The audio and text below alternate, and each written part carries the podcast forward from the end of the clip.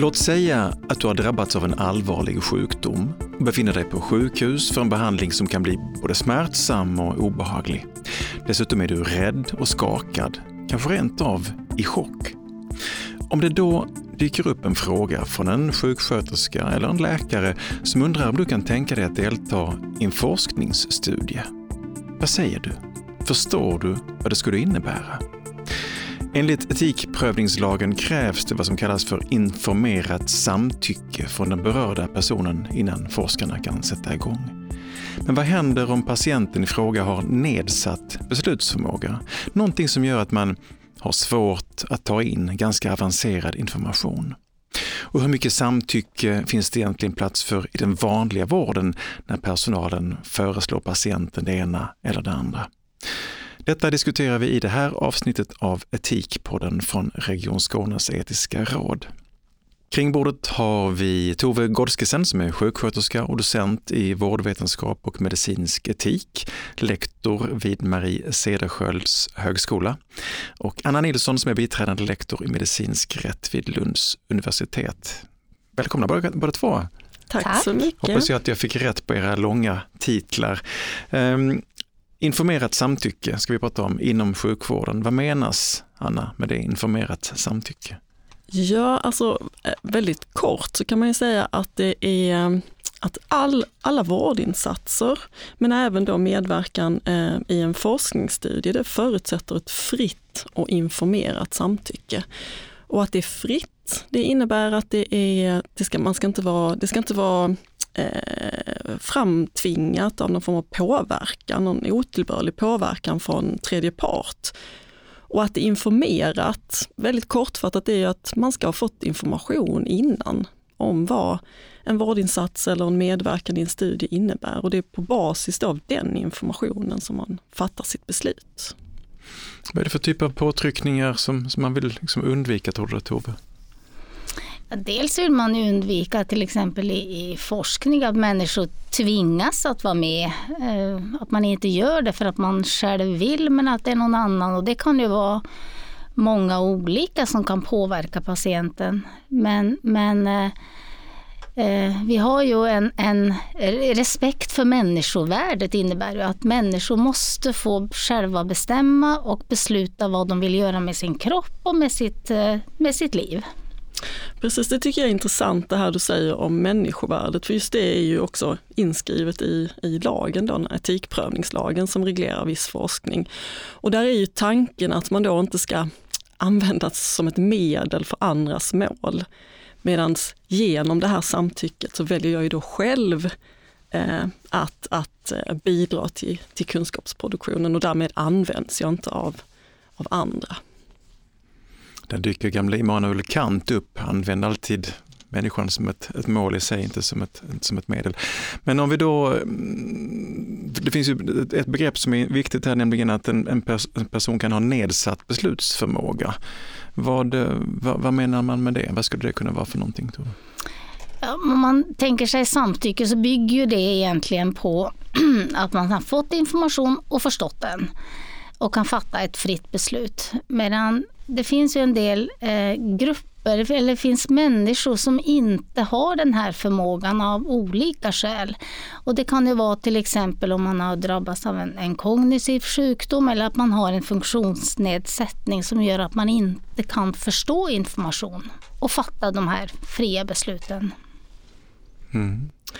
Precis, och det eh, står det också i etikprövningslagen då som säger att i de fall där någon, alltså, att samtycke inte kan inhämtas eller liksom hans eller hennes mening inte kan inhämtas och så, så, kopplar man då detta till någon form av, som du säger, funktionsnedsättning men även eh, sjukdom eller hälsotillstånd. Eh, ja, men som, jag, som jag föreslog i inledningen, jag är skitskraj. Jag har drabbats av den här sjukdomen, jag är kanske i någon form av chock eller hur man ska beskriva det det är inte så lätt att ta in vad de här vitklädda säger till ändå. Ju. Men, men det är kanske inte tillräckligt för att jag ska betraktas som beslutsoförmögen förstås.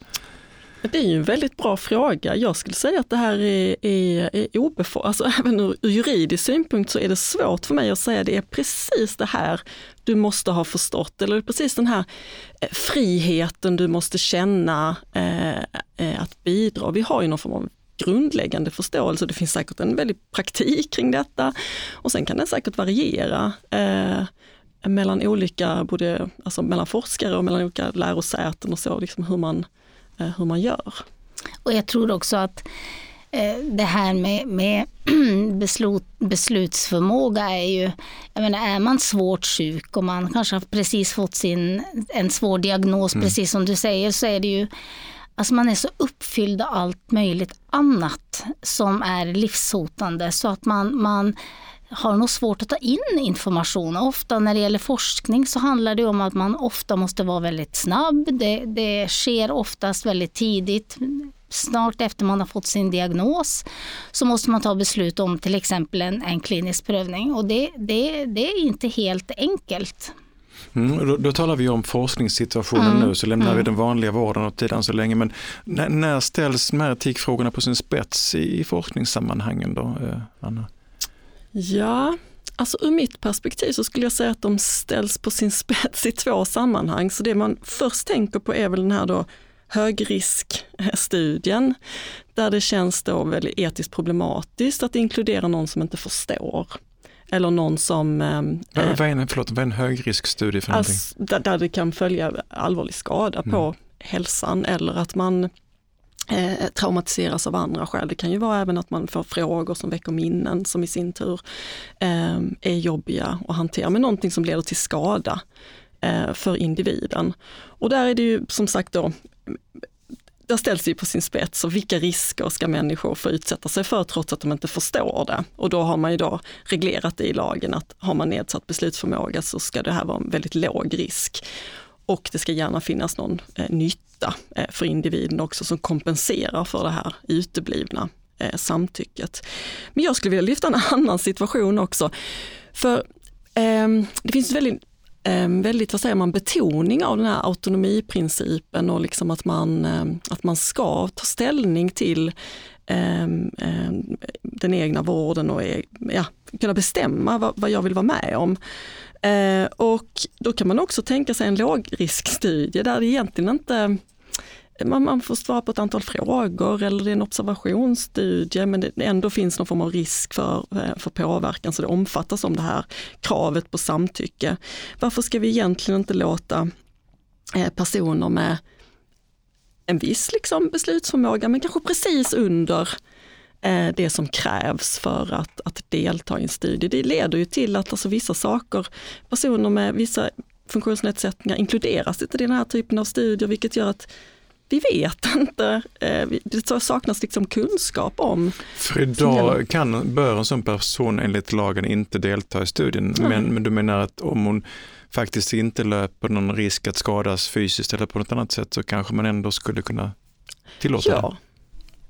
det? Mm. Vad säger Tove? Ja, och jag tänker att det är, det är egentligen många grupper idag som, som inte får vara med i, om vi nu pratar om, om Eh, läkemedelsstudier så är det ju många som inte får vara med. Det kan ju vara till exempel att man inte behärskar det svenska språket eller att man, av, att man kanske har en viss nedsatt kognitiv förmåga men, men det skulle kunna vara så att man förstår en, en del. Så att det här är, är många, um, många eh, grupper som inte får vara med av de här orsakerna. Så är reglerna lite för stränga då? Jag tror inte bara det är reglerna, jag tror också att för att det här om man ska inkludera en grupp där det kanske krävs någon form av anpassning av språket eller hur man utför det, eller så, så kostar det ju pengar. Mm. och det blir krångligare. Eh, och då tänker vi, vi forskare, vi ansöker ju om medel och det ska gå snabbt det här, man vill ha fram resultaten. Eh, och så, man vill inte att folk ska hoppa av heller. Det kan finnas föreställningar om att vissa grupper, att det är svårare att få dem att komma tillbaka och sådär.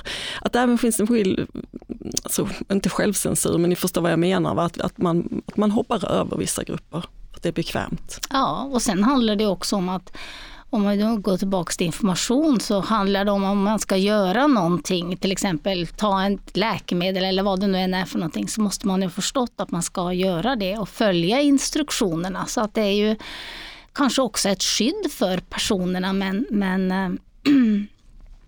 men det kanske har gått lite eh, för långt på många sätt. Mm, mm. Du utbildar ju eh, blivande sjukvårdspersonal och sådär. Hur, hur pass stort problem är detta tror du i, i praktiken? Då? För det här till exempel, hur ska man veta om en patient verkligen har förstått det vi säger? Mm. Nu ska vi göra en forskningsstudie som bygger på detta och detta och detta och detta och detta kommer att hända. Eh. Ja, det är ju verkligen problem och utmaningar som forskningssjuksköterskor står i i vardagen. Vem kan man ta med i studien? Har de verkligen förstått? Och hur ska man säkerställa att de har förstått? Så det här är stora utmaningar.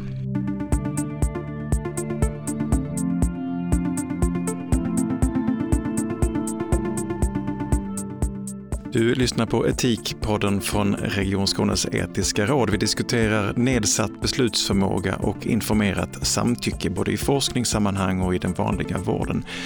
Och kring bordet har vi idag Anna Nilsson som är biträdande lektor i medicinsk rätt vid Lunds universitet och eh, Tove Gårdskesen som är sjuksköterska och docent i vårdvetenskap och medicinsk etik eh, vid Marie Cederschiölds högskola finns hon. Eh, då har vi pratat lite grann om, om vården och de utmaningar som finns där. Kanske är liksom, mm, behövs det skruvas på regler och praktik där.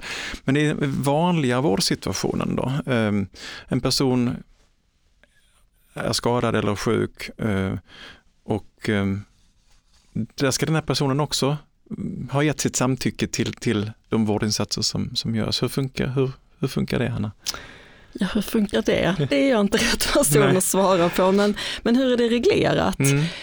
Jo, men då finns det ju en huvudregel som säger att alltså all, alla vårdinsatser eh, kräver samtycke. Så vårdpersonal kan inte eh, lura någon eller tvinga på någon vårdinsats. Så det är liksom huvudregeln. Och då förstår man ju att det här blir genast problematiskt då, eh, i förhållande till personer som då anses sakna eh, beslutsförmåga. Sen kan man ju komma ihåg att det ska vara ju fria och informerade samtycke. Sen hur de kommer till uttryck, det är ju inget riktigt formkrav i lagen, så ibland kan det vara att man liksom genom sitt handlande visar att man eh, att man går med på en vårdinsats. Men fortfarande ska man ju egentligen då ha förstått vad det är man går med på när man till exempel räcker fram handen för ett blodprov. Om jag är ehm, medvetslös?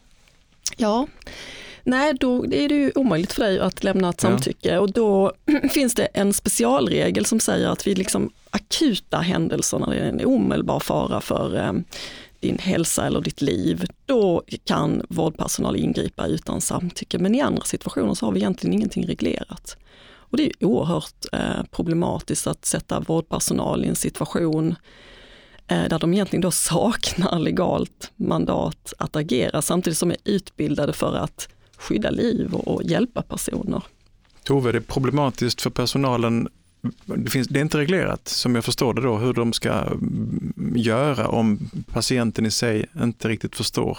Patienten är dement eller vad vet jag? Ja, då kommer vi också in på det här med det kan lätt bli tvång och det har vi ju ingen möjlighet till att, till att hålla på med i vården, förutom om det är specifika fall. Men, men, men eh, det här är svåra svåra frågor och eh...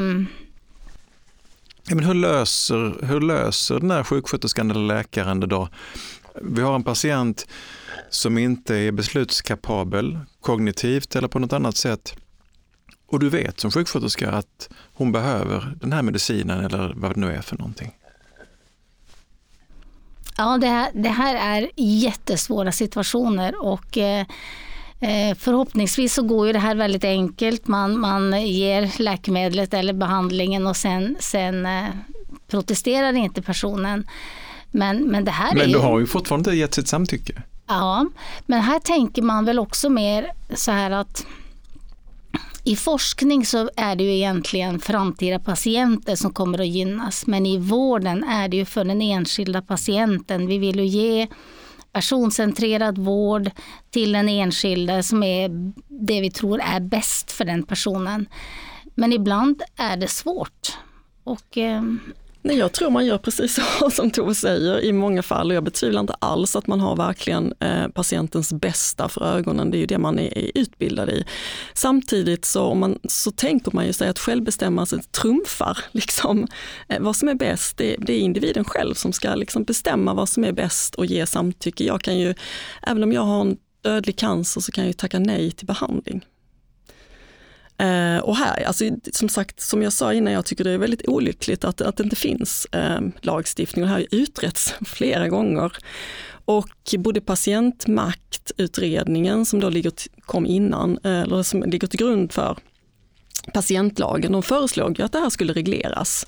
Att vårdpersonal, precis som du säger, då skulle få intervenera i vissa fall utan eh, samtycke. Men regeringen ville inte ta det steget för man tyckte att det här är en för komplex fråga, man är rädd för att öppna dörren för liksom otillbörliga eh, insatser.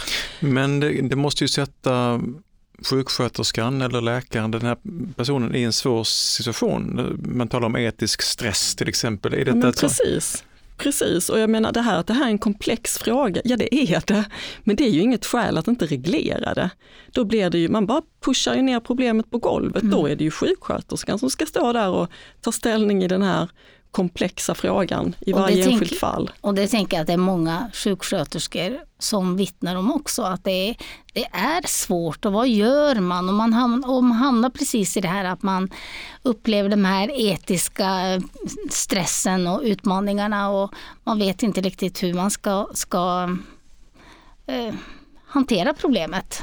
Skulle en lösning helt enkelt bara kunna vara att man, man frågar någon anhörig? Är det okej okay att vi gör så här med din mamma? Du, det är en väldigt bra, för det här är ju en komplex fråga.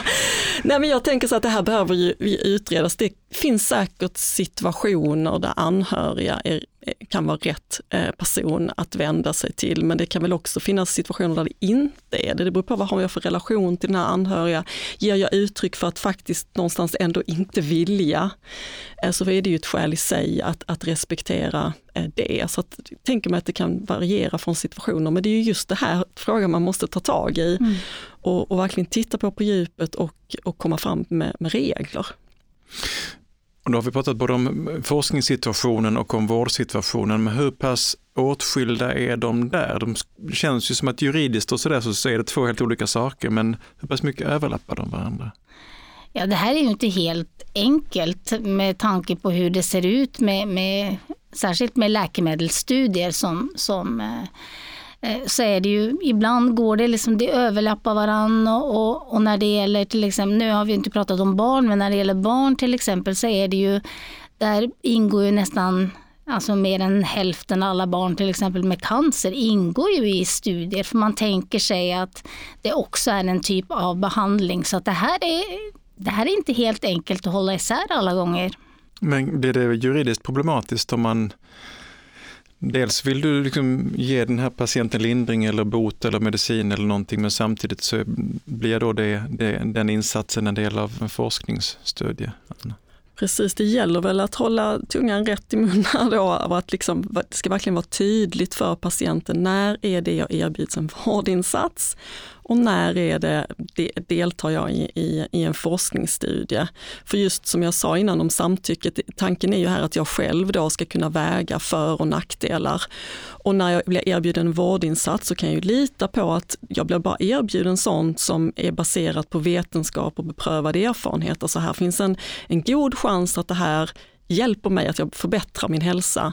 Medan om jag tackar ja till att vara inkluderad i en studie så är det ju någonting helt annat. Det är snarare den omvända presumtionen. Mm. Jag har väldigt lite, att, väldigt lite som talar för att det här kommer hjälpa mig. Och, och jag tänker att om, inte, om vi tycker att det är svårt att hålla isär det, så tänk då den här patienten som kommer och mm. precis fått sin diagnos och ska försöka hålla isär det här. Det här är jättesvåra frågor för, för väldigt många och man kan ju säga att så fort man börjar prata om studier och så, så är ju patienterna verkligen utanför sin comfort zone. Mm. Det är mm. just det är svårt. Och du nämnde barn Tove och då måste mm. jag bara dubbelkolla detta. Vad gäller samtycke, alltså hur, hur gammal måste man vara för att kunna ge sitt samtycke? Är det 18 år eller kan en 13-åring också ge sitt samtycke? Precis, det där är en jättebra fråga. Eh, alltså så när du är 18 år så, så, så samtycker ja. du själv eh, såklart, men så länge det är barn så har ju då vårdnadshavare en rätt att samtycka.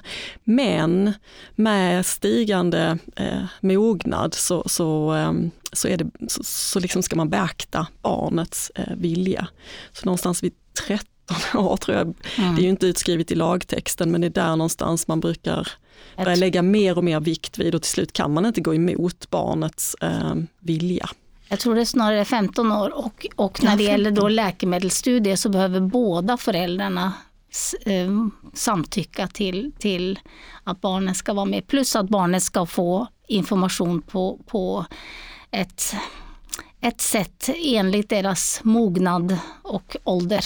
Och det är ju inte helt enkelt. Nej, Nej det, det finns rätt så mycket, det finns juridik här som är tydlig och fyrkantig som juridik plägar vara, men det finns också gråzoner. Vad tycker du Tove Gårdskesen, om man tittar framåt, vad, vad, behövs? Behövs det no skruvas på någonting här eller ändras på någonting? Ja, Inte minst för personalen tänker jag. Ja, främst så tänker jag att vi när det gäller kliniska studier så behöver vi ju mycket mycket mer. Vi behöver ju bli en, en attraktiv nation för, för kliniska prövningar. Det, det hoppas jag verkligen att vi, vi uppnår. Men också att vi är tydliga med, till patienterna. Vad, vad är det som är vård och vad är det som är forskning? Och att vi, vi verkligen säkerställer, och särskilt då de med, med eh, nedsatt beslutsförmåga, att de får information och att vi verkligen tar tillvara det de uttryck de ger för antingen att tacka ja eller tacka nej. Och Anna då? Ja, jag kan väl instämma. Alltså som, som jag nämnde innan så tycker jag ju det är en stor brist det här att det inte är reglerat vad som gäller inom vanliga vården när någon saknar beslutskompetens. Men just i förhållande till forskning så ingår jag nu i ett, i ett forskningsprojekt där man tittar på hur personer med funktionsnedsättning och framförallt då personer där funktionsnedsättningen påverkar beslutsförmågan negativt, eh, hur de kan inkluderas på ett icke-diskriminerande och mer jämlikt sätt. Och det handlar dels mycket om att tillhandahålla stöd. För i många fall så kan man kanske prestera ett giltigt samtycke om man får informationen på ett tillgängligt sätt. Man har någon att prata med som hjälper och förklarar. Ehm, och så. Men även att eh, man behöver det preciseras, vad specifikt, vad precis måste man förstå? Man kanske till exempel måste förstå att det här är frivilligt och att det sannolikt inte är till någon nytta för mig själv. För där har du också maktrelationen mellan patienten som är ganska svag och läkaren eller sjuksköterskan som kommer från någon slags, mm, ja, som har en annan makt. Precis, och som kanske är ens läkare ja. i vissa sammanhang och sen helt plötsligt tar de på sig forskarhatten. Mm. Och då måste man förstå att det här är, är, eh, är olika saker, att man kan avbryta eh, när som helst. Och så. Medan andra saker kanske precis um, vad den här forskningen syftar till eller vilka resultat den kommer att generera. Det kanske man inte behöver förstå egentligen för att kunna tacka ja. Nej, håller helt med. Det finns saker att skruva på i alla fall. Det är jättespännande att lyssna på. Vi avslutar det här avsnittet av Etikpodden om nedsatt beslutsförmåga och informerat samtycke. Tack så mycket Anna Nilsson som är biträdande lektor i medicinsk etik vid Lunds universitet. Vi hörde också Tove Gårdskesen som sitter med i, ett, i Etiska rådet. Hon är sjuksköterska och docent i vårdvetenskap och medicinsk etik, lektor vid Marie Cederschiöld högskola. Inspelningsledare var Bengt Flemark. Du har alltså hört Etikpodden där Region Skånes etikråd försöker lyfta några av de svåraste frågorna i vården. Och utöver själva poddarna så arrangerar Etiska rådet också seminarier och kurser. Mer information om den här verksamheten finns på hemsidan. Har du frågor, synpunkter, kanske önskemål om kommande avsnitt? Skriv till etiskaradet snabelaskane.se. Tack för att du lyssnade.